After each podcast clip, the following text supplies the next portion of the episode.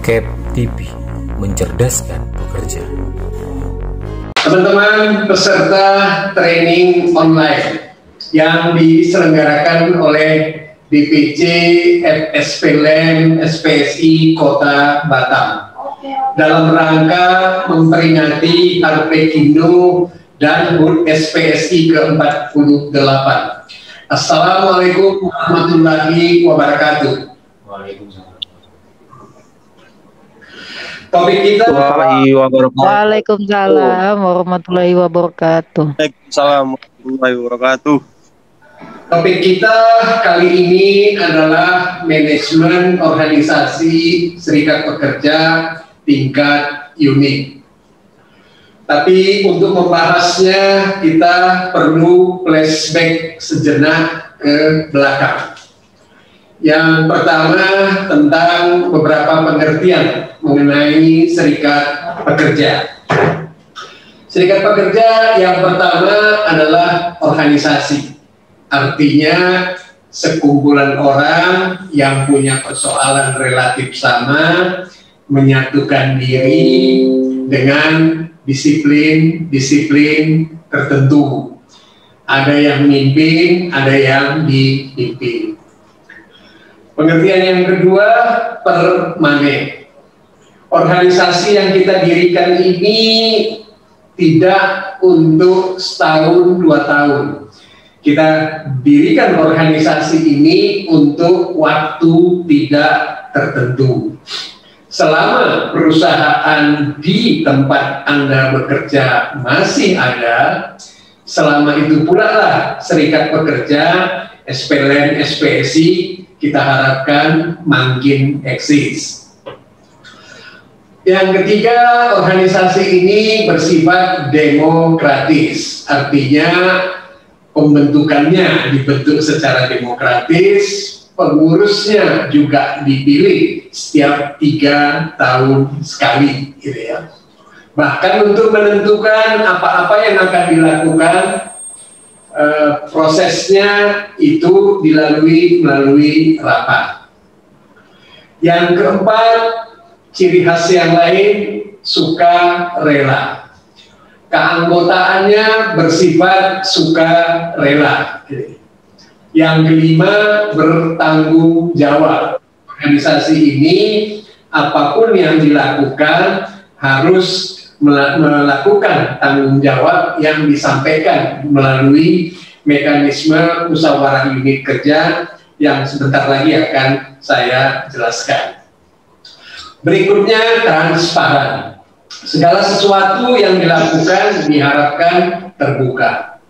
Yang terakhir, independen organisasi kita ini bukan bagian dari kekuatan politik yang ada. Sekarang soal fungsi serikat pekerja.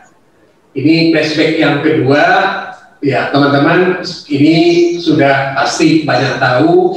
Yang pertama melindungi dengan membuat aturan yang lebih baik, kemudian mensejahterakan, yang ketiga, kalau nanti terjadi peristiwa perlakuan.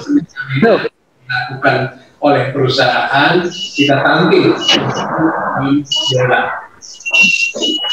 Uh, ada tahapan perjuangan. Tahapan perjuangan kita pada dasarnya ada dua. Yang pertama, pelaksanaan norma yang kedua, pengembangan norma. Uh, dalam konteks situasi kekinian, kita menghadapi masalah terkait dengan Undang-Undang uh, 11 2020 karena norma-norma yang ada malah uh, terdegradasi, uh, menurun, menurun perlindungan, menurun kesejahteraannya kita. Itu konteks situasi. Nah, teman-teman uh, terkait dengan tahapan perjuangan tadi, untuk bisa berhasil dalam kaitan pelaksanaan norma maupun pengembangan norma, maka kita harus memiliki kalau istilah baratnya bargaining power. Bahasa Indonesia-nya Anda harus memiliki daya runding. Dengan demikian, kalau Anda mengajak perusahaan berunding, perusahaan akan merespon. Gitu ya. Nah, agar punya daya runding dengan sendirinya, teman-teman harus memiliki pertama-tama pengetahuan. Pengetahuan tentang apa? Ya, pengetahuan tentang keorganisasian serikat pekerja, pengetahuan tentang peraturan perundangan ketenaga kerjaan, pengetahuan tentang apa dan bagaimana perusahaan Anda termasuk manajemen perusahaan. Yang kedua, Anda harus terampil sebelum itu ya. Anda harus terampil, terampil mengorganisir serikat pekerja, terampil mengorganisir uh, pekerja agar mau menjadi serikat pekerja. Tapi yang paling penting tentu saja terampil di dalam melakukan uh, proses perundingan dengan pihak manajemen. Unsur bargaining power yang ketiga adalah kekompakan Uh, umumnya kita pengurus sekitar 9 atau 11 itu ya. Uh, kemudian kita ada yang namanya bakor komisariat gitu ya. Kita harapkan A kata ketua PUK, A juga kata pengurus yang lain dan anggota. Dan ini kita perlukan untuk ditunjukkan kepada pihak perusahaan bahwa apa yang kita minta kepada perusahaan adalah apa ya apa yang dikehendaki oleh anggota. Akan tetapi bargaining power ini, ini konteks kepada uh, yang kita bicarakan. Bargaining power di tempat Anda masing-masing baru tercipta jika organisasi dikelola dengan baik. Untuk itu kita memerlukan manajemen organisasi. Kita flashback lagi tentang ketentuan mengenai mustik. Anggaran dasar SPLN SPSI pasti menggariskan setiap tiga tahun sekali Anda harus menyelenggarakan musyawarah unit kerja di mana teman-teman harus menyampaikan apa yang teman-teman lakukan dalam kurun waktu tiga tahun ke belakang. Nah, Kemudian Anda setelah ada proses uh, laporan pertanggungjawaban, kemudian Anda menetapkan program kerja dan memilih pengurus. Ini yang tiga, uh, satu, tiga, dan empat pasti biasanya ada di dalam anggaran dasar. Saya cuma menambahkan perlu juga sepertinya ke depan pada waktu kita mesti kita menganalisa situasi yang dihadapi oleh PUK sekarang dan ke depan gitu ya. Nanti kita pelajarin ini namanya analisa SWOT nanti akan uh, akan muncul gitu ya. Teman-teman, uh, pada umumnya struktur PUK terdiri dari pengurus inti, kemudian ada komisariat, ada anggota anggaran dasar memberi wewenang kepada PUK untuk pertama-tama membina dan mengembangkan organisasi dan anggota.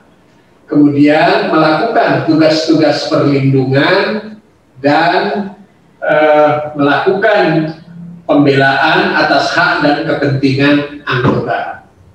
Wewenang yang ketiga dengan sendirinya mewakili anggota Katakan ketika Anda berunding dengan pihak perusahaan ataupun mewakili anggota ketika ada masalah, suatu masalah dibawa ke mediasi. Itu wewenang. Sekarang kita bicara apa sih tanggung jawab PUK? Pimpinan unit kerja secara keseluruhan bertanggung jawab atas pembinaan dan perkembangan organisasi maupun anggota. Saya nggak tahu persis apakah seluruh pekerja di tempat PUK-nya Anda masing-masing sudah pada posisi 75% dari jumlah pekerja yang ada apakah uh, sudah menjadi anggota atau tidak. Ini ini secara contoh. Katakan mungkin sekarang 75 persen, kita kepengen tahun depan menjadi 80, tahun berikutnya menjadi 85 persen. Itu yang dimaksud dengan perkembangan organisasi maupun anggota. Sekalipun kita punya kendala di dalam masalah ini, ketika perusahaan uh, melakukan rekrut pekerja di dalam bentuk outsourcing maupun harian lepas yang belum tentu mereka menjadi anggota. Yang kedua, yang paling pokok adalah PUK bertanggung jawab terhadap kualitas isi PKB serta bertanggung jawab juga terhadap penanganan keluh kesah anggota uh, termasuk kasus-kasus katakanlah pelanggaran indisipliner yang dilakukan oleh anggota.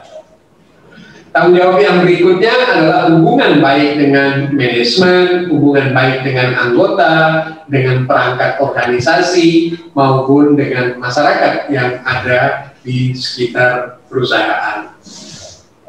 Nah, sekarang kita mulai masuk kepada hal-hal yang terkait dengan manajemen organisasi. Katakan misalnya kita berandai-andai, katakan misalnya kita yang saya ingat PUK Sanipak misalnya dan PUK Varia Tirta menyebut dua-dua di antara beberapa PUK lem yang ada. Bung Daniel, ada berapa sekarang jumlah PUK lain kita sekota Batam setelah terjadi eh, di dalam eh, yang baru? Kalau dulu kan kita bicara di Tanjung Uncang ada DPC, di Muka Kuning ada DPC, gitu ya. Sekarang ada berapa PUK secara keseluruhan, Bung Daniel? Keseluruhan, hmm. Pak Chandra. Ya. Tapi kualitas anggota lebih meningkat. Ya, bukan jumlah. 38. Jumlah, jumlah anggota. Ya. Ya 38. Oke. Okay. Jumlah PUK. Oke, okay, baik. Ya, nanti itu hal-hal yang menyangkut kuantitas dan kualitas akan kita bahas. Katakan misalnya saya terpilih menjadi ketua PUK yang baru di salah satu unit kerja SPLN yang ada.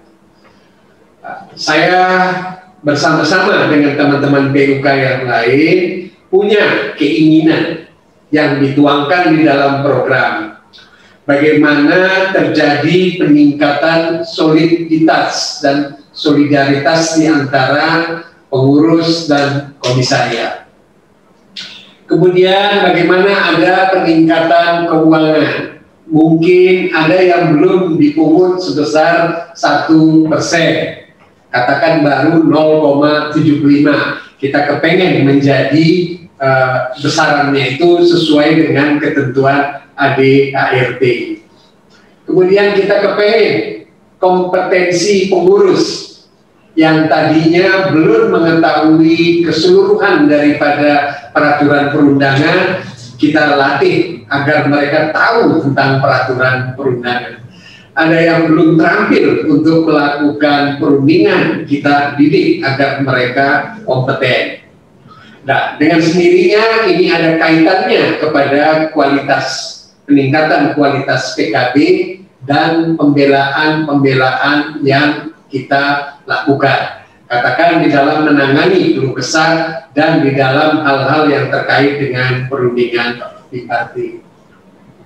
Kita juga kepengen teman-teman di masing-masing PUK punya media dengan kemudian lewat medianya ini dapat berkomunikasi dengan anggota itu pada yang ke bawah ke atas juga bisa berhubungan dengan uh, eh, PC BPC bisa berhubungan dengan DPD dan bisa berhubungan juga dengan uh, Dewan Pimpinan Pusat SPLN yang ada di Jakarta.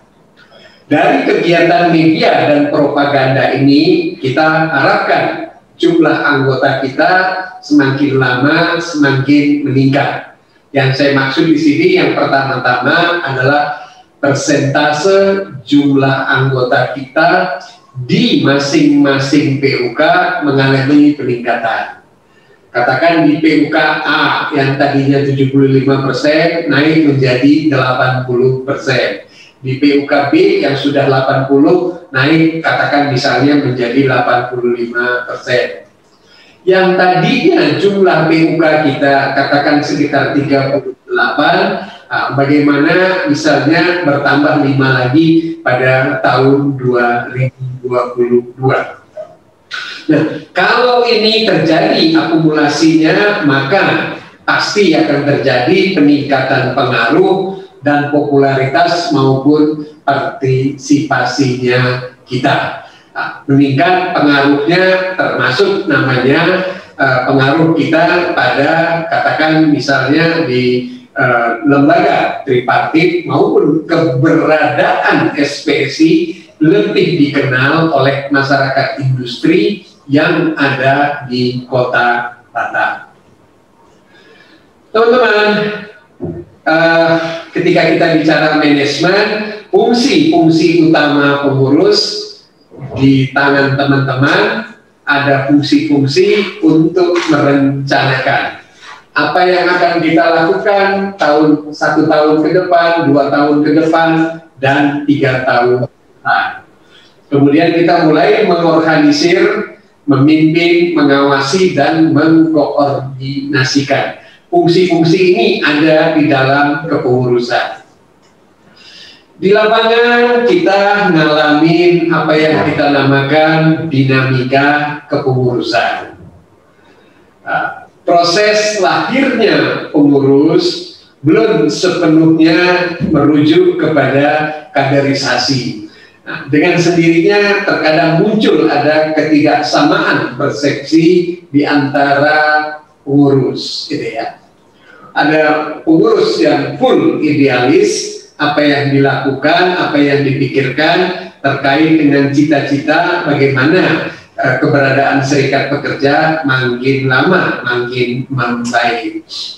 Uh, kemudian so pasti uh, kita pengurus datang dari beberapa departemen yang ada di perusahaan, terkadang ada persoalan shift, uh, dengan demikian ada persoalan perbedaan waktu dan aktivitas. Uh, kemudian kita pastilah mengalami kecenderungan-kecenderungan individual di pengurus, termasuk terkadang ada hambatan dari orang rumahnya di kita, gitu ya. Nah, ini ini dinamika di dalam organisasi.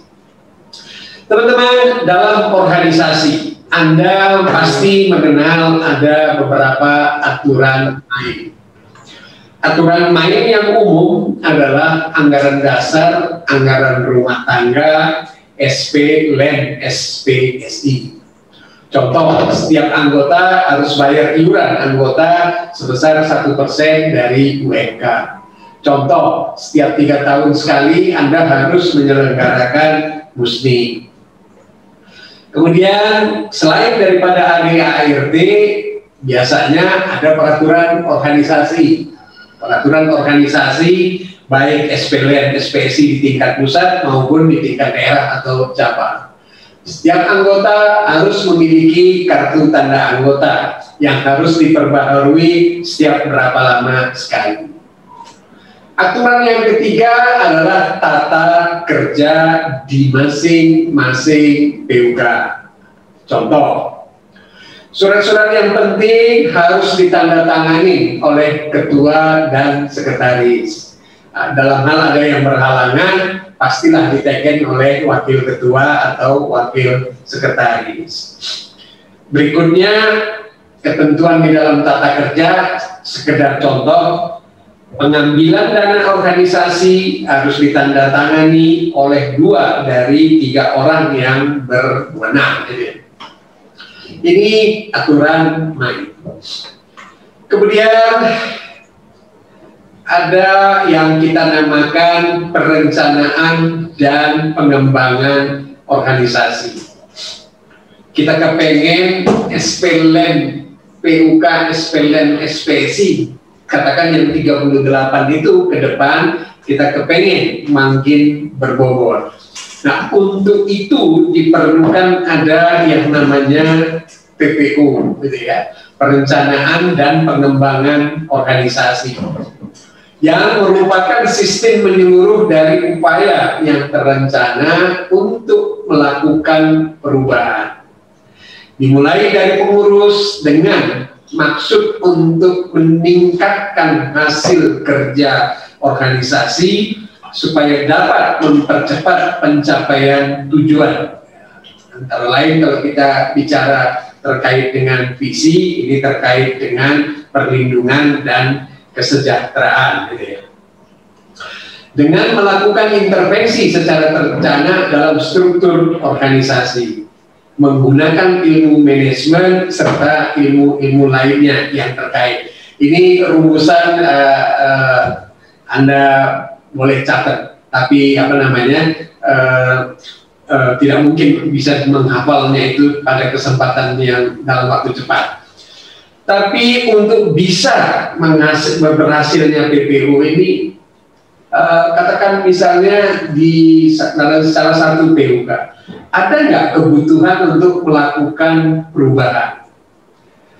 Kemudian diperlukan adanya intervensi dari pimpinan teras, katakan misalnya ketua sekretaris bendahara yang menginginkan ada perubahan. Nanti contohnya akan kita sampaikan. Adanya partisipasi dan analisa, ada partisipasi dari seluruh pengurus, syukur-syukur dari komisariat juga begitu, dan ada analisa, gitu ya. Kemudian Nah, ini yang kadang-kadang agak eh, diabaikan adanya kesadaran untuk bekerja dengan data. Ke depan kita udah harus melotok di luar kepala. Uh, katakan misalnya ada kunjungan dari Pak Arif Minardi dari pusat, ada berapa susunan pekerja di sini? Pak, di sini pekerja tetapnya ada 60 persen, pekerja tidak tidak tetapnya ada 40 persen yang dari yang tidak tetap ini, yang kontrak ada sekitar 20 persen. Alhamdulillah mereka sudah jadi anggota semuanya.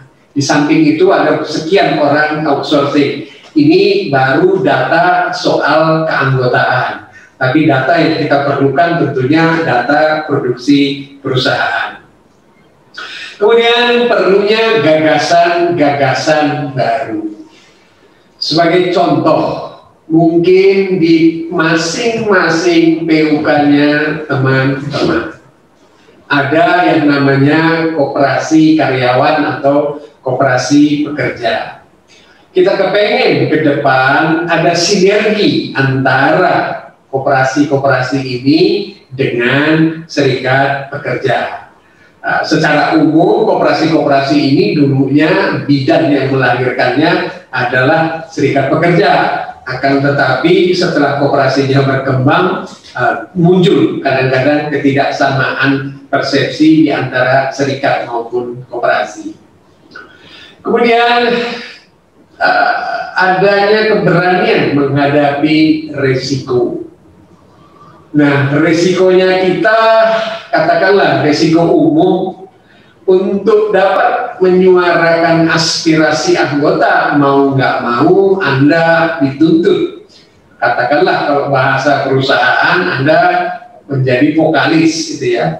Tapi vokalis yang disertai dengan uh, bagaimana bertindak dengan komunikasi yang baik juga dengan pihak perusahaan Kemudian Anda dituntut setiap tahun harus bikin program. Setiap bulan ada program kerja yang harus dilakukan. Yang progresnya diikuti secara uh, dengan terjadwal yang realistis. Teman-teman, diperlukan analisa SWOT. Mungkin teman-teman sering mendengar gitu ya uh, strength S-nya itu dari kata strength yang berarti kekuatan, uh, W-nya itu adalah weakness, kelemahan, kemudian uh, O-nya adalah uh, opportunity atau kesempatan, dan kemudian uh, T-nya itu threat atau hambatan. Jadi kita perlu melakukan setiap, katakan paling tidak setiap tiga tahun sekali, melakukan analisa-analisa khususnya analisa SWOT. Apakah misalnya contoh S kekuatan? Apa sih yang dimaksud dengan kekuatan? Kekuatan di dalam konteks ini adalah suatu karakteristik internal yang memberi keuntungan kompetitif atau aset kepada organisasi serikat pekerja berkaitan dengan pencapaian visi, misi, dan tujuan operasionalnya. Contoh, semua pengurus PUK memiliki komitmen yang kuat untuk mengelola dan mengembangkan organisasi. Artinya seluruh pengurus adalah orang-orang yang terpilih yang dikenal oleh anggota merupakan orang-orang di perusahaan yang punya komitmen yang kuat untuk memajukan organisasi. Kemudian mayoritas pengurus kompeten dalam melaksanakan tugas-tugasnya. Kalau ini tidak terjadi, berarti ini masuk di dalam kamar kelemahan. Mayoritas pengurus aktif dalam melaksanakan tugasnya, mungkin belum kompeten, akan tetapi aktif di dalam menjalankan tugas-tugasnya.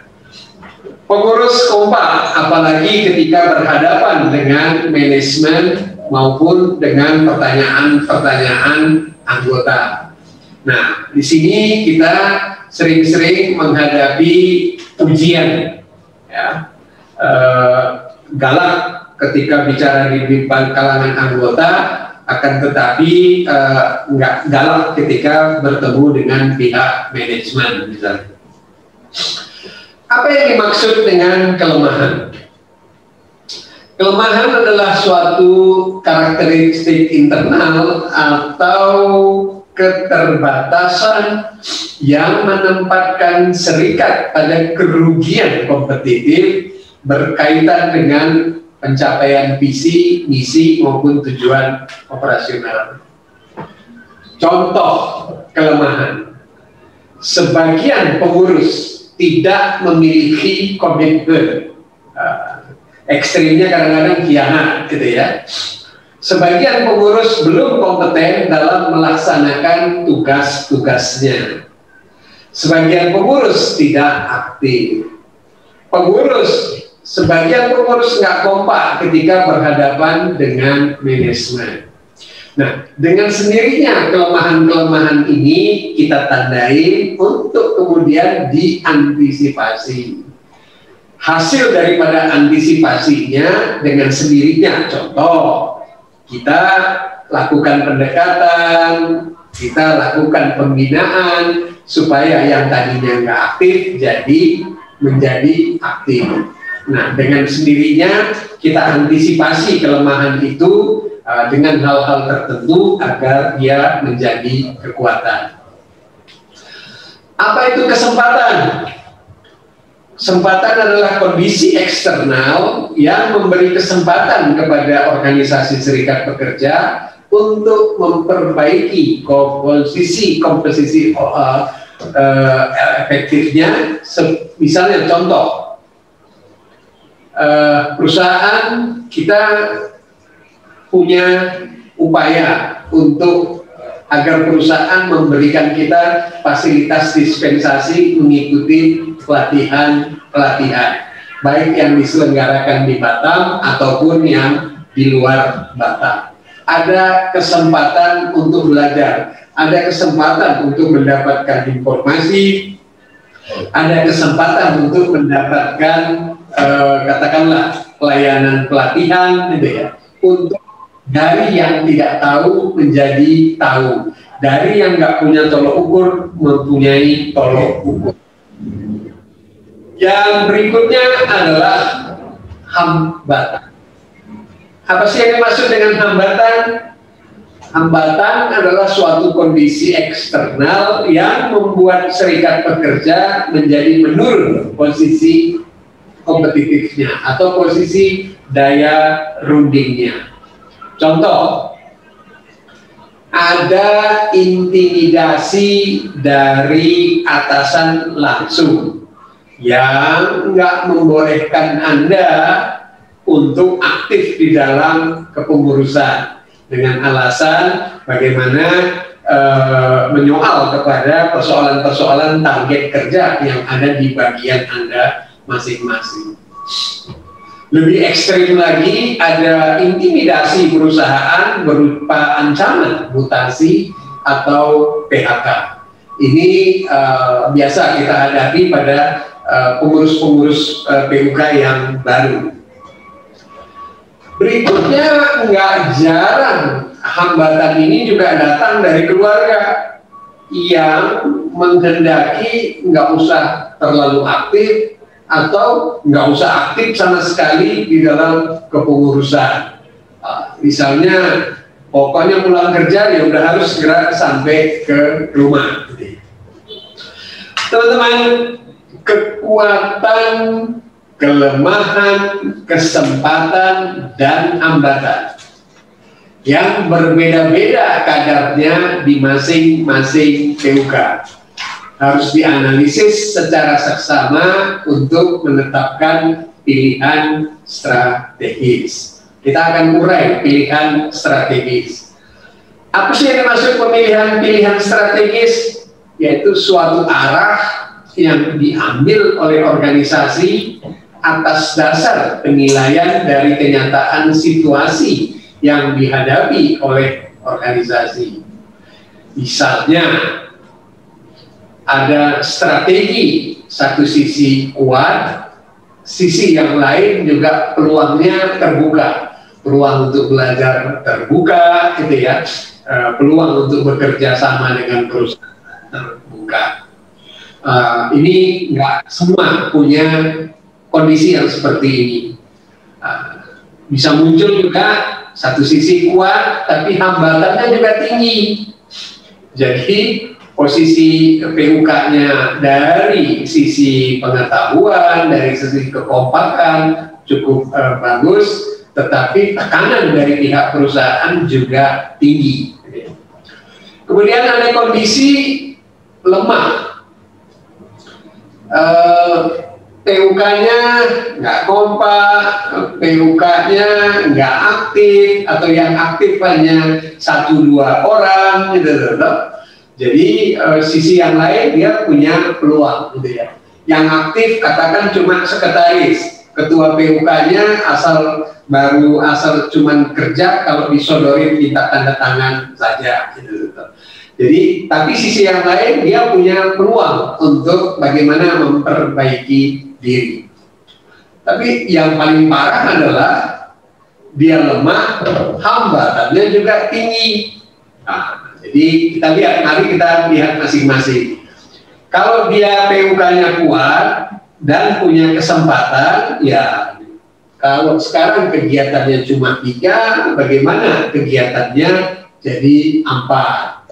Oh, contoh, misalnya tadinya terkait dengan urusan apa PHK, misalnya sekarang kita bicara PHK melayani urusan PHK plus misalnya bimbingan wira usaha gitu ya. Ada kegiatan yang dilakukan BUK yang tadinya nggak menyinggung soal kooperasi sekarang kita masuk kepada soal kooperasi nah strategi yang keduanya meningkatkan kuantitas dan kualitas dari kegiatan yang ada. Jadi kalau tadinya cuma tiga kegiatan dibikin empat yang tadinya kualitasnya cuma separuh, bagaimana naik jadi 0,75. Nah, kemudian ada strategi kekuatan dan hambatan, ya kalau model yang seperti ini harus perlu ada konsolidasi organisasi yang dilakukan. Gitu ya. Satu sisi kuat, tapi sisi yang lain juga hambatannya juga tinggi. Kemudian menganeka program, gitu ya jadi kalau yang tadinya cuma dia kepada hal-hal yang terkait dengan uh, katakan programnya nggak ada kerjasama, sekarang kita bagaimana ada program kerjasama. Tetapi kadang-kadang harus melakukan tindakan-tindakan darurat untuk mengantisipasi hal-hal yang tidak terduga, gitu ya. Jadi kadang-kadang uh, kita ngalamin misalnya ada terjadi pergantian uh, kepala pabrik itu atau atau terjadi pergantian HR uh, kemudian uh, mengalami perubahan sikap terhadap perlakuan-perlakuan uh, kepada para pekerjanya. Kemudian ada udah lemah itu ya. Uh, kemudian uh, ada kerjasama ya Anda nggak mungkin yang aktif nggak banyak, ya kalau perlu ada spesialisasi. Jangan semua semua ketentuan semua ketentuan program kerja organisasi dilakukan, orang nggak ada yang yang bisa mengerjakan yang banyak. Nah, kemudian ya perlu mengembangkan jaringan kerja sama. Nah, yang terakhir ya udah lemah, hambatannya juga banyak.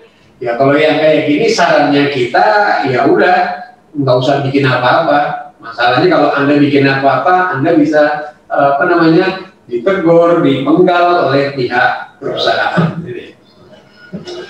Teman-teman, uh, so pasti kita harus bikin perencanaan ke depan. Ketika Anda misalnya menjadi pengurus baru, hasil daripada musnik, uh, ketika Anda kepengen melakukan perubahan, ini ya, anda harus gambar potret situasi yang sekarang Anda seperti apa, situasi yang Anda inginkan tadi terkait dengan kepengen keuangannya meningkat, kepengen solidaritasnya meningkat, kepengen advokasinya meningkat. Jadi harus tergambar dengan situasi yang sekarang dan situasi yang diinginkan. Nah, perencanaan itu mencakup hal-hal apa saja?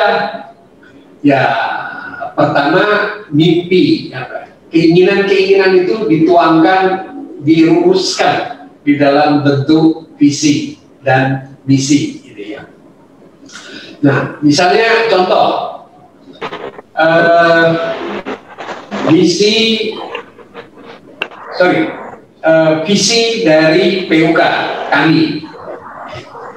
Ini agak.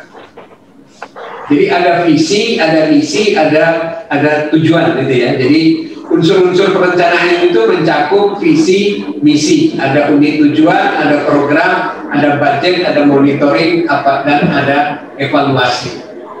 Nah, visinya kita misalnya di sini, uh, sorry karena anda tidak termuat di dalam uh, apa yang yang ada di sini. Visi itu adalah mimpinya anda tiga tahun ke depan. Kami ingin tiga tahun ke depan di perusahaan ini misalnya ada standar standar produktivitas kerja dan standar kesejahteraan. Biasanya yang ada standar produktivitas kerja, standar kesejahteraannya nggak ada.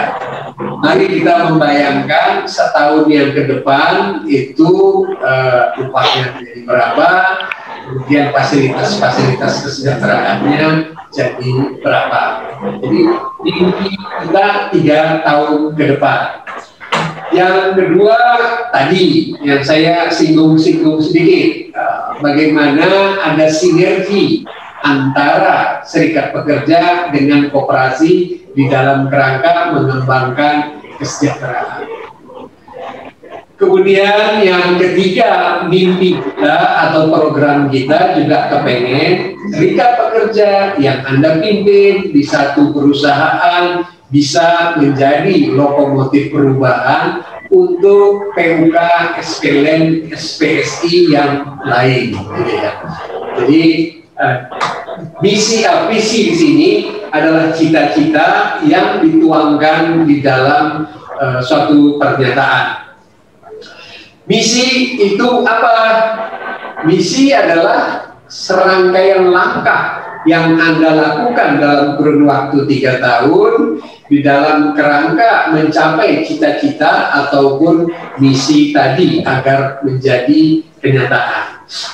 Nah, contoh pernyataan misi adalah misi dari PUK yang kami pimpin mengorganisir pekerja, menyadarkan dan mencerdaskan pekerja, menyuarakan aspirasi, melindungi dan mensejahterakan, membela orang-orang para pekerja yang diperlakukan secara semena-mena.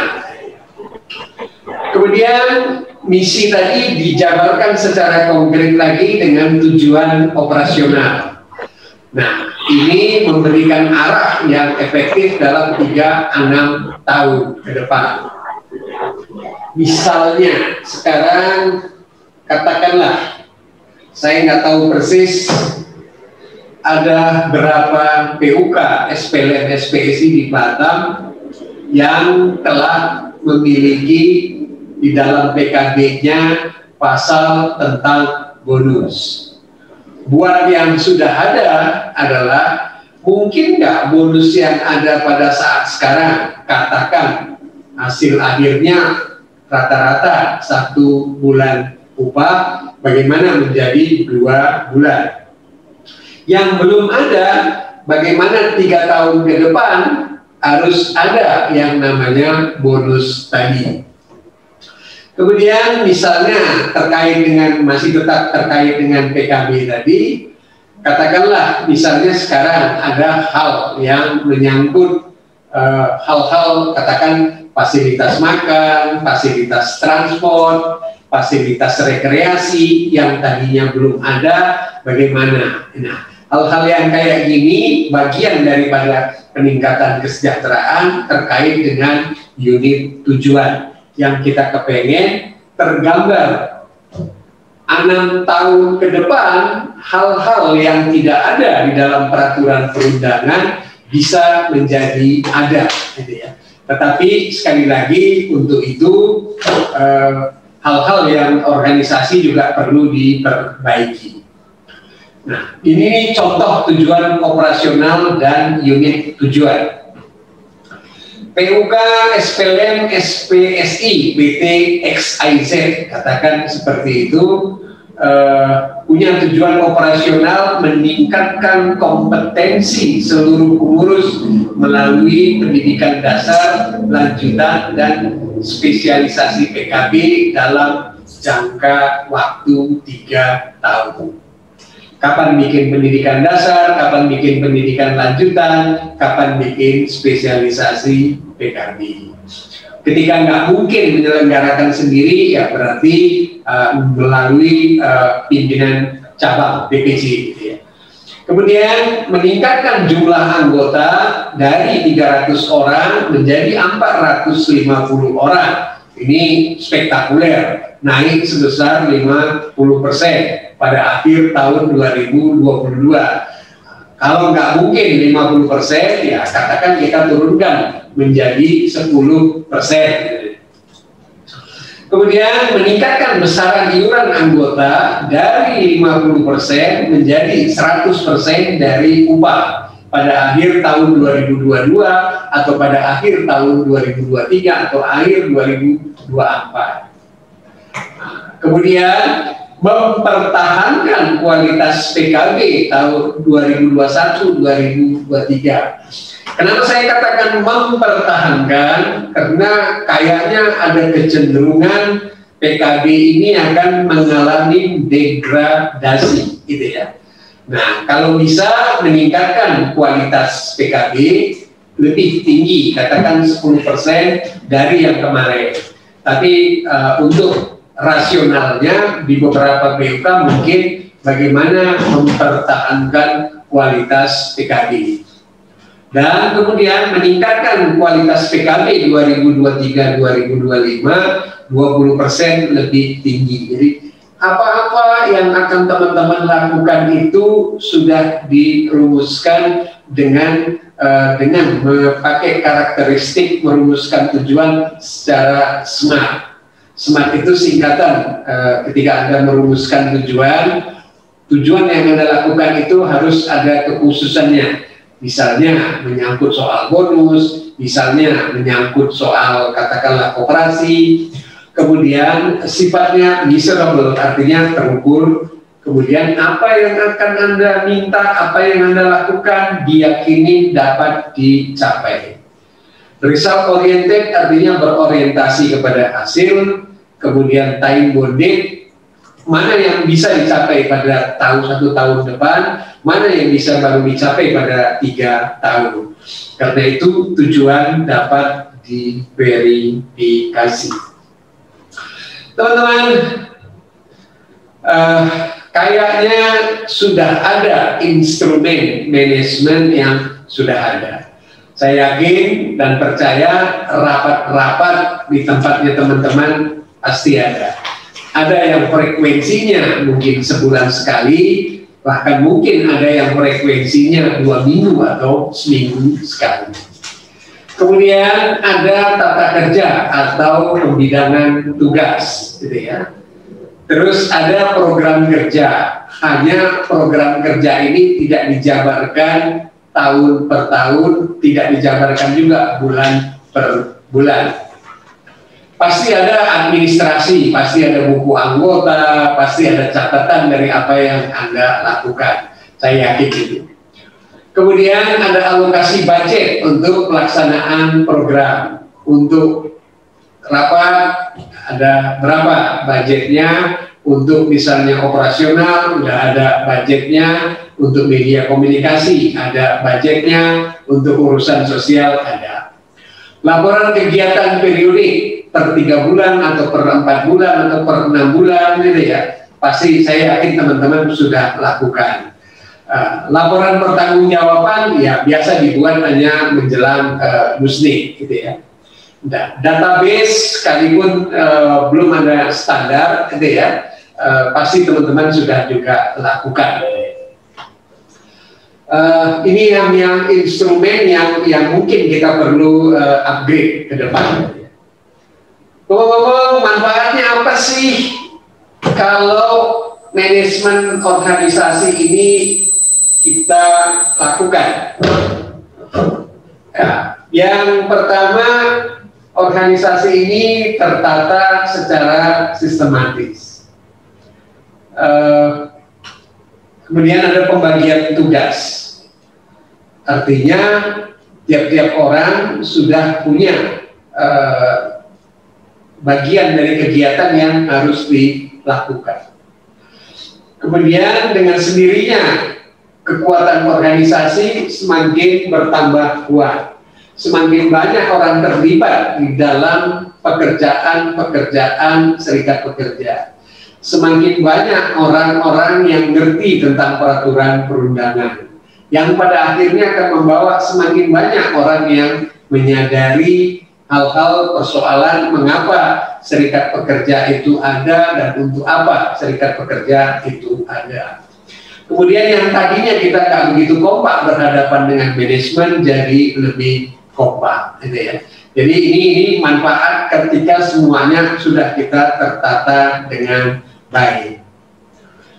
Tapi di dalam pelaksanaannya so pasti ada hambatan. Hambatan ya katakan hambatan waktu. Kadang-kadang kita nggak konsisten ah biarin aja kalau nggak bisa bulan ini bulan depan tertunda tertunda lagi. Kemudian hubungan dengan manajemen perusahaan nggak selamanya juga berjalan dengan baik gitu ya di samping ada persoalan-persoalan individu. Teman-teman, kini kita masuk kepada semacam uh, katakanlah guidance. Berkenaan dengan tugas, wewenang dan tanggung jawab. Dari ketua, sekretaris, bendahara, serta wakil ketua, wakil sekretaris dan wakil bendahara. Pertama kita bicara ketua. Ketua ini tugasnya mewakili organisasi ke dalam maupun keluar. Nah, kalau ada musnik, ya ketua yang tampil. Kalau ada perundingan dengan pihak perusahaan, ya ketua tampil. Walaupun dia belum tentu misalnya jadi ketua tim perunding.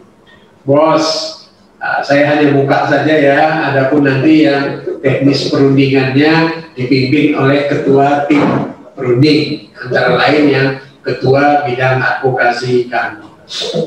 Kemudian pasti ketua memimpin rapat-rapat pengurus, melaksanakan dan mengawasi tindak lanjut keputusan rapat. Di pundak ketua melindungi, membela, dan memotivasi Ah, cuman terkait dengan advokasi, dia bisa limpahkan itu kepada ketua bidang advokasi. Kemudian menerima, mengelola, dan memperjuangkan. Ada anggota di dalam satu pertemuan uh, menyuarakan aspirasi A, B, C, D gitu ya. Nah, ini yang dibilang menerima, terus kemudian dirumuskan aspirasi, kemudian uh, diperjuangkan aspirasi tadi kepada pihak perusahaan.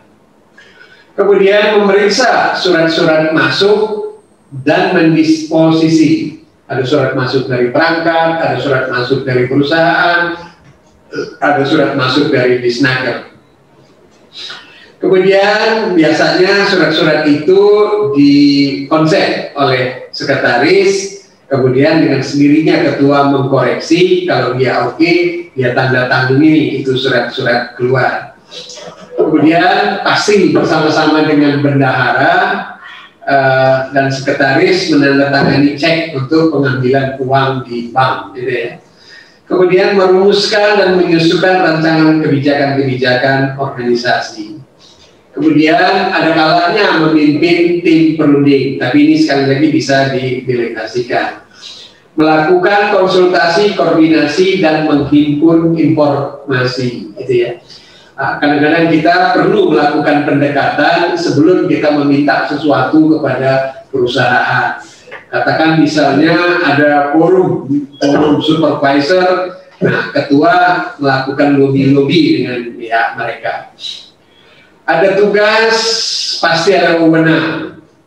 Nah, wewenang yang pertama mendelegasikan sebagian atau mendelegasikan tugas tertentu kepada wakil ketua. Untuk urusan sosial ekonomi, misalnya ada anggota kita, anggota keluarganya meninggal dunia, uh, kemudian ya ketua menyerahkan urusannya kepada ketua bidang sosial ekonomi untuk melakukan langkah-langkah agar uh, katakan ada anak dari anggota yang mengalami uh, peristiwa duka cita dibantu oleh pengurus. Ini yang dibilang uh, mendelegasikan. Kemudian membangun memelihara jaringan kerjasama yang saling menguntungkan dengan lembaga-lembaga terkait. Di perusahaan Anda masing-masing ya ada lembaga koperasi. Kemudian ada lembaga olahraga. Pada perusahaan yang agak besar kadang-kadang ada semacam dewan masjid gitu ya. Nah, Eh, ketua ini harus apa namanya uh, melakukan kegiatan kerjasama dengan organisasi-organisasi yang ada di perusahaan, gitu ya.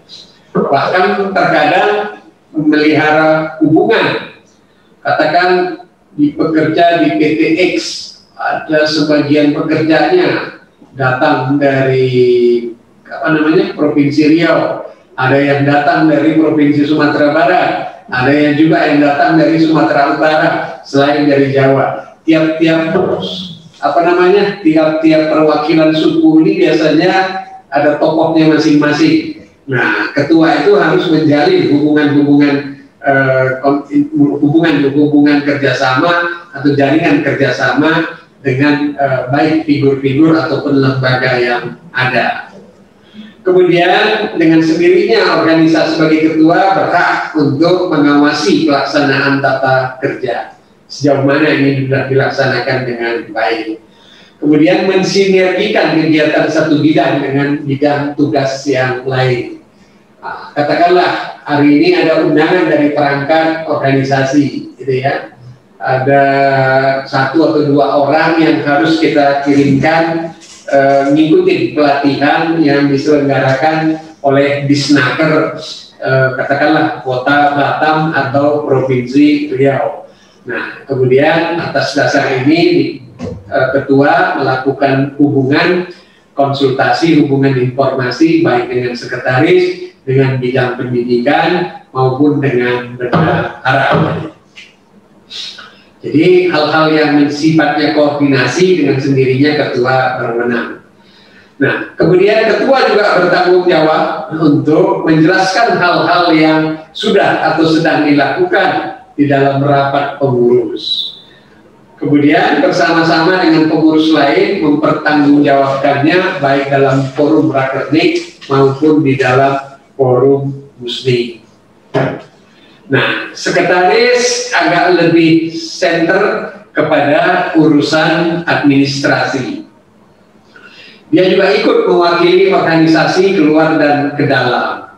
Dia memimpin sekretariat dan tata laksana administrasi. Kemudian dia mencatat dan memelihara inventaris organisasi.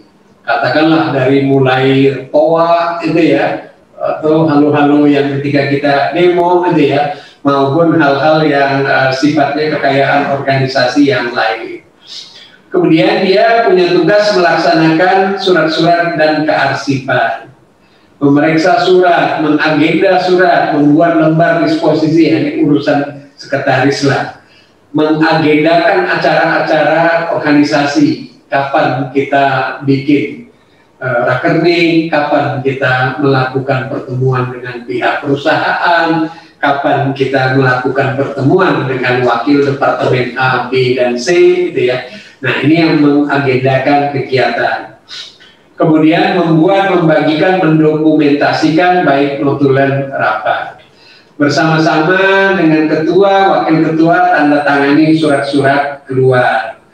Kemudian bersama-sama dengan bendahara, tanda tangani cek, gitu ya. Ini dalam kaitan keuangan.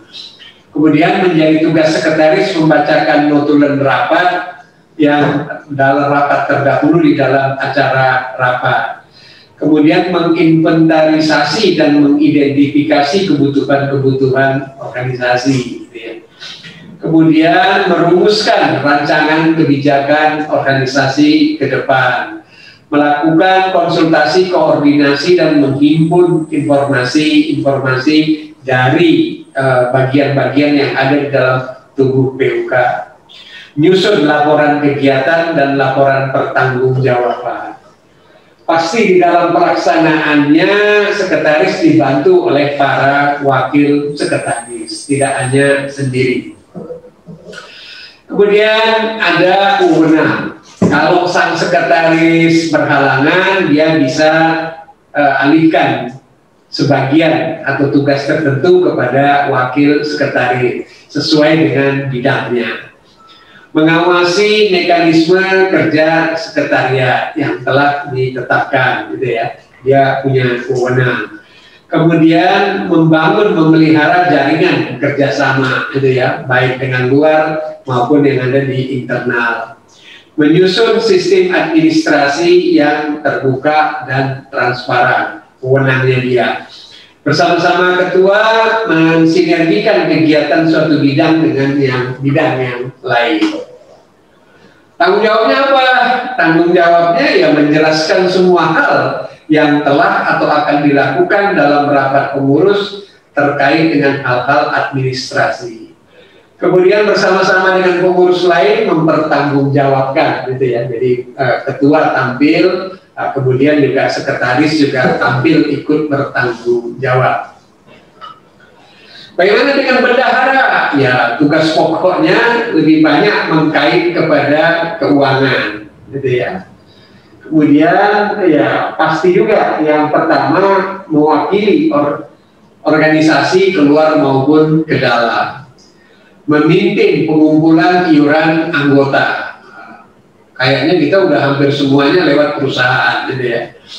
Buka rekening koran, gitu ya dan menyimpan uang organisasi di bank bersama-sama wakil bendahara. Jadi siapa yang pegang uang cash, siapa yang pegang catatan gitu ya. Jadi nggak bisa jadi ada apa namanya hanya dia yang pegang duit, dia yang pegang catatan. Nah, itu harus dicegah.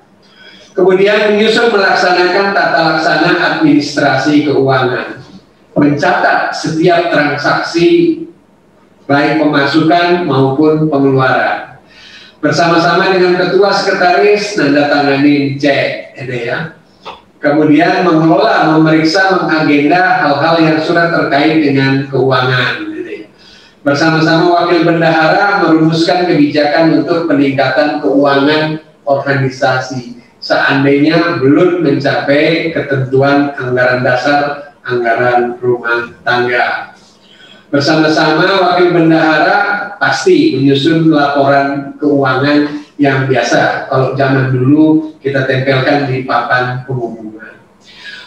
Wewenangnya bisa mendelegasikan sebagian atau tugas tertentu, mengawasi mekanisme kerja, uh, menolak pengajuan anggaran. Jadi contoh ekstrimnya. Uh, budgetnya kita menetapkan kalau pergi ke Disnaker uang transportnya 100 ribu. Tapi begitu dikasih 100 ribu ketua PUK-nya mendelik matanya dia terpaksa keluarkan jadi 125 ribu misalnya. Karena dia bukan kasirnya ketua ya dia bisa Pak Ketua ya budgetnya kan cuma sekian ya nggak perlu lah matanya mendelik-mendelik gitu loh nah di dalam kaitan ini ini dia punya wewenang untuk menolak permintaan yang, yang seperti itu. Dan kemudian menyusun sistem manajemen dan administrasi keuangan yang yang transparan tadi. Kemudian mengelola dan memutuskan sesuatu hal tanpa merugikan perjuangan dan nama baik organisasi. Apa tanggung jawabnya? Ya, ketika ada prakernik atau musnik, ya bersama-sama menjelaskan persoalan keuangan tadi. Ketika ada yang minta ada dokumen-dokumen tertentu sebagai pembuktian daripada pengeluaran keuangan organisasi, ya dia juga harus bertanggung jawab. Gitu. Apa pula tugas wakil ketua dan wakil sekretaris? Secara umum ya mewakili ketua, mewakili sekretaris apabila yang bersangkutan berhalangan. Akan tetapi dia sebagai ketua bidang masing-masing, dia punya bidang tugas yang perlu dijabarkan secara rinci. Kewenangannya apa? Ya, koordinasi kerjasama dengan bidang tugas, konsultasi dengan ketua, sekretaris maupun bendara. Tanggung jawabnya apa? Menjelaskan semua hal yang sudah dilakukan. Andai kata dia menerima eh, apa namanya delegasi wewenang atau mempertanggungjawabkan kegiatan yang dia lakukan. Katakan saya ketua bidang sosial ekonomi, saya bertanggung jawab terhadap urusan-urusan sosial misalnya. Urusan sosial yang dimaksud adalah eh, katakan tiap bulan itu ada saja misalnya eh, anggota kita yang punya persoalan eh, katakanlah musibah gitu ya, baik musibah eh, katakan musibah sakit gitu ya. Uh, bahkan yang terkadang uh, terjadi peristiwa meninggal dunia. Gitu ya hampir sama juga terjadi dengan wakil-wakil uh, ini yang wewenang wakil ketua dengan wakil bendahara. Artinya mewakili uh, bendahara, kemudian ketika dia menangani ada suatu urusan tersendiri. Misalnya kita bikin satu pelatihan di masing-masing PUK, kemudian ada yang wakil bendahara menjadi bendahara untuk urusan kegiatan yang dilakukan. Katakan kita yang menjadi bendaharanya adalah salah seorang dari wakil bendahara, gitu ya. Jadi dengan sendirinya ketika ada tugas-tugas yang seperti ini, tugas itu dengan sendirinya harus diinformasikan, harus dilaporkan, harus dikoordinasikan. Pendek kata, apa pun yang uh, tugas itu harus diinformasikan dan di uh, dipertanggungjawabkan. Teman-teman, ini saja di dalam kesempatan sore hari ini yang kita bicarakan. Uh, ada banyak waktu, kurang lebih kira-kira uh, 30 menit untuk kita diskusikan. Sebelum pada akhirnya saya akan uh, membuat rangkuman penjelasan kepada teman-teman. Uh, kami sementara begini, kami tunggu respon dari teman-teman respon tanggapan ada yang sifatnya nanya, ada yang sifatnya diskusi, gitu ya. Uh, kami buka forumnya.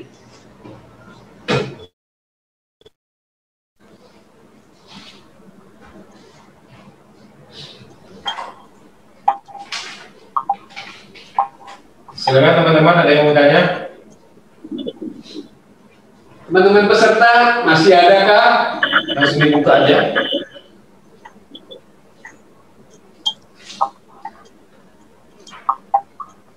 Atau melambaikan tangan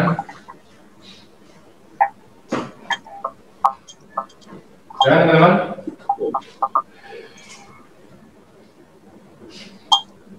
Hmm.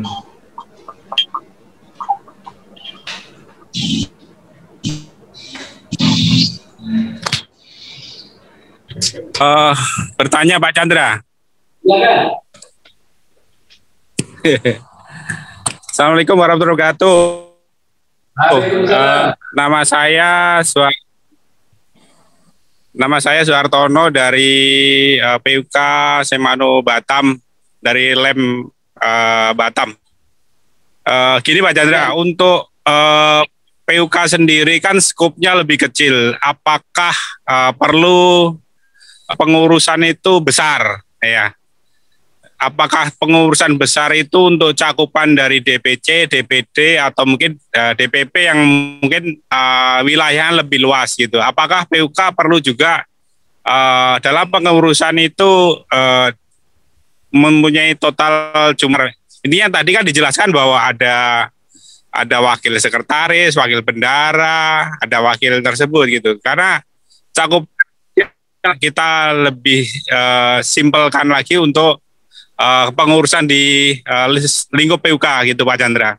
Mohon uh, terima kasih. Assalamualaikum warahmatullahi wabarakatuh. Salam. Waalaikumsalam. Waalaikumsalam.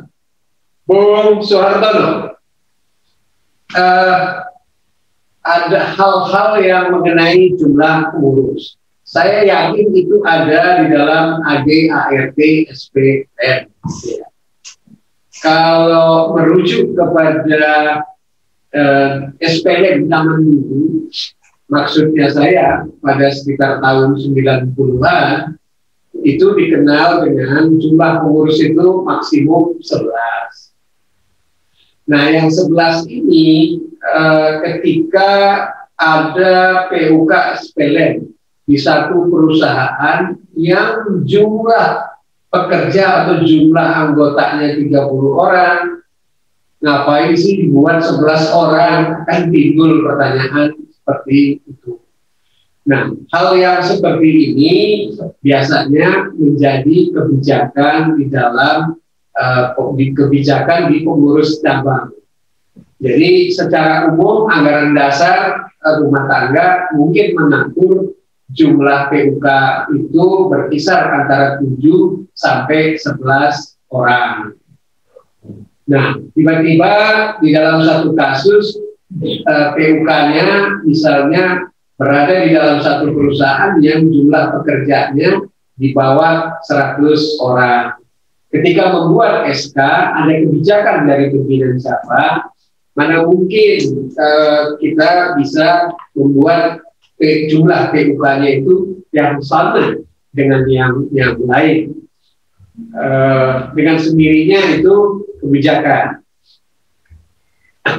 Nah, hal-hal yang yang yang seperti ini dengan sendirinya uh, kita uh, dimungkinkan adanya kebijakan-kebijakan yang, yang seperti itu. Jadi ini tentu wewenang daripada pimpinan cabang, gitu ya.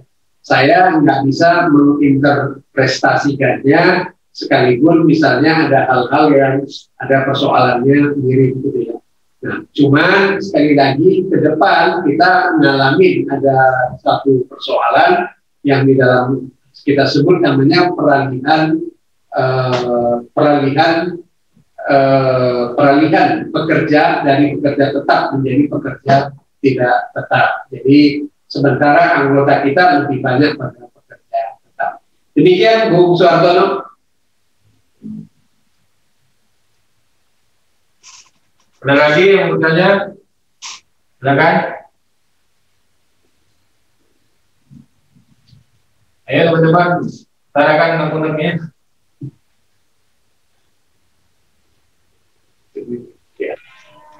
Oke, assalamualaikum warahmatullahi wabarakatuh. Nama saya Muri Pak Chandra dari PUK Farta. Eh, saya ingin bertanya untuk di satu PT jika ada dua serikat, sedangkan kedua serikat ini komposisinya untuk anggota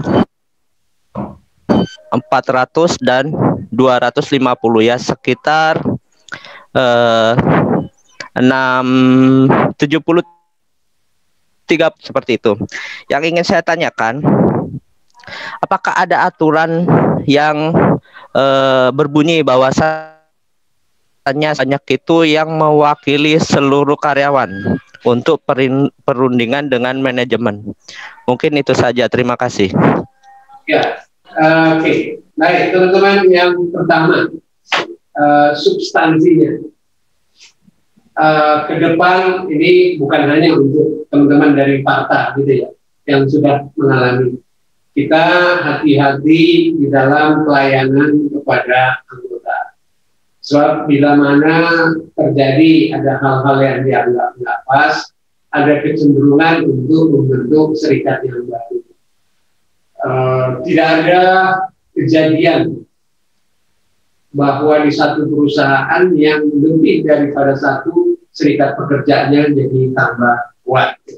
Jadi artinya ke depan uh, katakanlah di tempat anda, uh, anda ini anda ini yang 250-nya apa yang 400-nya?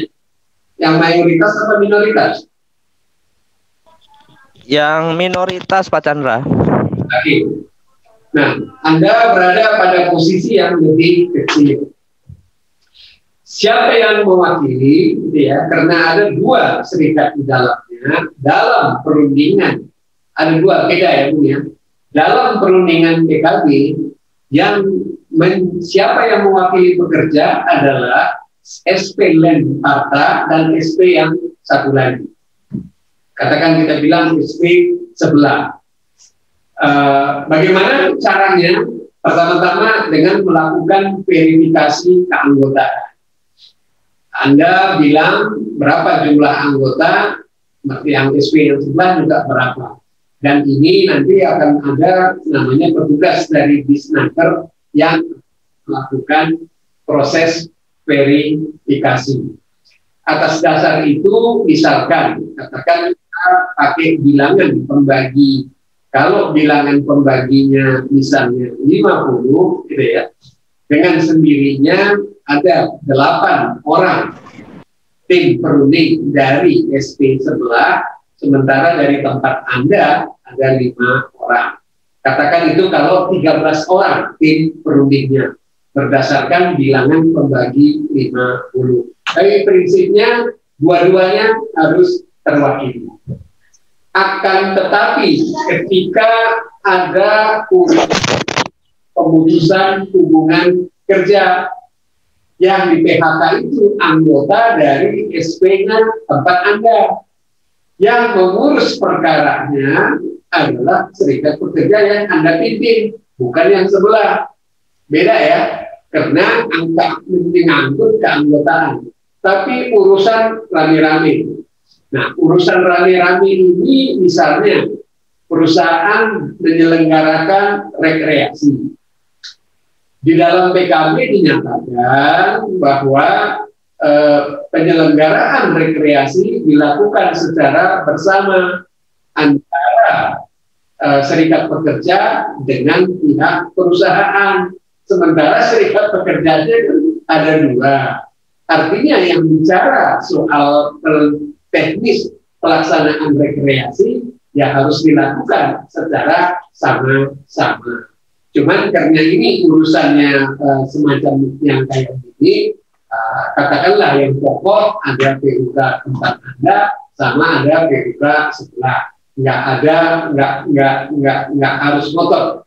Tapi ketika perundingan PKP, ya yang besar pasti ya penentunya ada di kami. Gitu. Nah, hal-hal yang kayak gini kerepotannya adalah ketika terjadi pembicaraan perundingan, katakan kita bicara perundingan kenaikan upah, tahu-tahu yang besar itu ya sangat akomodatif terhadap maunya perusahaan, sementara anda ngotot, nah, di situ biasa timbul uh, persoalan gitu ya. Yang besar merasa kami yang lebih menentukan, tapi di dalam isi omongannya sebetulnya melenceng gitu loh. Nah ini yang yang uh, persoalan. Nah, untuk teknisnya Anda baca peraturan Menteri Tenaga Kerja nomor 28 PMTK nomor 28 tahun 2014 tentang tata cara perundingan perjanjian kerja bersama. Demikian Bung uh, Murid dari PUK Parta. Uh, maksud saya begini Pak Chandra, uh, jika uh, pengambilan keputusan di mana manajemen ini menawarkan beberapa opsi, sedangkan kami uh, pilihannya itu berseberangan dengan uh, PUK yang mayoritas, dan kemudian di sini putuskan untuk memilih yang terbaik, contoh memilih yang minoritas. Apakah di sini keputusan itu sah di Imawan? Terima kasih. Ya, jadi di dalam soal ini memang intinya merepotkan. Nah, oleh karenanya sebelum kita berunding dengan pihak perusahaan, uh, ada proses penyamaan draft antara PUK yang Anda pimpin dengan PUK sebelah. Jadi ada proses penyamaan. Yang mau dituntut itu apa-apa saja. Kadarnya berapa, minimum targetnya berapa. Ini harusnya dibicarakan terlebih dahulu. Dengan demikian, ketika mereka melenceng di dalam proses perundingan, kan kita tinggal bilang Loh, Anda nggak ngomongnya nggak sesuai dengan apa yang sudah kita sepakati lebih awal. Seandainya mereka ngotot, gitu ya, mereka bisa terima. Katakan misalnya si perusahaan menawarkan dua persen, sementara Anda tetap ngotot tiga persen, gitu ya. Nah, Anda tetap aja bicara kepada pihak perusahaan, bos kami belum bisa seandainya kata yang, yang pahitnya seperti itu loh kamu bagaimana? Katanya kan uh, nah balik lagi kita kami punya perjanjian bersama dengan dengan serikat pekerja setelah kami baru bisa menerima hasil perundingan jika sesuai dengan kesepakatan awal. Ini sebelah nggak melakukan sesuai dengan kesepakatan awal.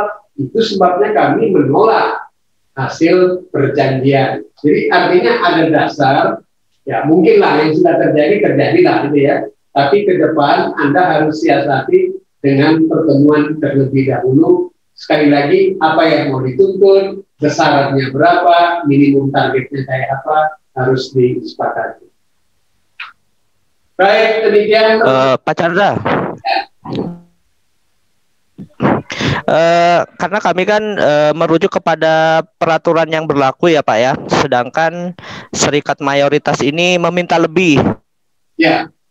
Pun tahu aturan yang berlaku itu seperti apa. Nah, maksud saya di sini apakah istilahnya dengan manajemen kita karena kita mengetahui aturannya sudah ada dan mengikuti di garis aturan tersebut apakah ini di uh, maksudnya yang mayoritas ini Pak, dia meminta lebih Pak. Ya, yeah. dia meminta lebih, tidak sesuai dengan aturan. Maksudnya apakah ini bisa dianggap untuk tidak setuju ke manajemen? Itu saja Pak. Ya, uh, ketika katakanlah uh, eh, SP sebelah meminta lebih uh, di awal itu kan itu yang saya bilang apa yang diminta kita sepakat dia minta lebih tinggi dari apa kata pemerintah, apa kata aturan. Cuman kan itu tadi ada proses ketika perusahaan bisa meyakinkan kita bahwa kenapa perusahaan nggak bisa lebih. Nah, tentu walaupun komprominya masih ada, yang pokok lebih sedikit pak, walaupun lebihnya cuma 500 perak misalnya kan, itu kan sedikit lebih lebih tinggi. Seandainya hal itu juga nggak memungkinkan, berarti kan sesuai dengan aturan. Dengan catatan itu tadi, kita nuntutnya sama. Bagaimana meminta sesuatu lebih tinggi dari aturan. Minta ya, namanya call. Tapi kemudian ketika kita bisa diyakinkan oleh pihak perusahaan di dalam proses perundingan, gitu, timbul pikiran, andai kata kita ngotot sesuai dengan permintaan awal, urusannya pertama jadi lama. Ya kan? Urusannya jadi panjang. Nah, apalagi misalnya di dalam konteks COVID ini, kita bisa mungkin terima dengan alasan dan itu yang kita bilang dengan minimum target. Nah, andai kata mereka tetap ngotot dengan minta yang seperti itu, itu tetap. Nah, sekarang itu kan uh, sebagai pekerja ya syukur kalau bisa. Kan persoalannya kemungkinan nggak bisa. Karena kemungkinan itu nggak bisa, kita utarakan kepada teman yang di sebelah. Bukannya kami nggak mau, tetapi daripada panjang, gitu ya Nah, tapi kalau dia tetap memaksakan, itu tetap, nah Anda uh, melakukan lobby dengan pihak perusahaan, bos, kami ini minoritas, bahasanya seperti itu. Sementara SP yang sebelah mayoritas, nggak mungkin juga kami menandatangani perjanjian bersama atas nama mereka, nggak mungkin, itu tetap Nah, dengan demikian, ya cobalah bos terus pelihara agar mereka semakin menjadi melunak, ya.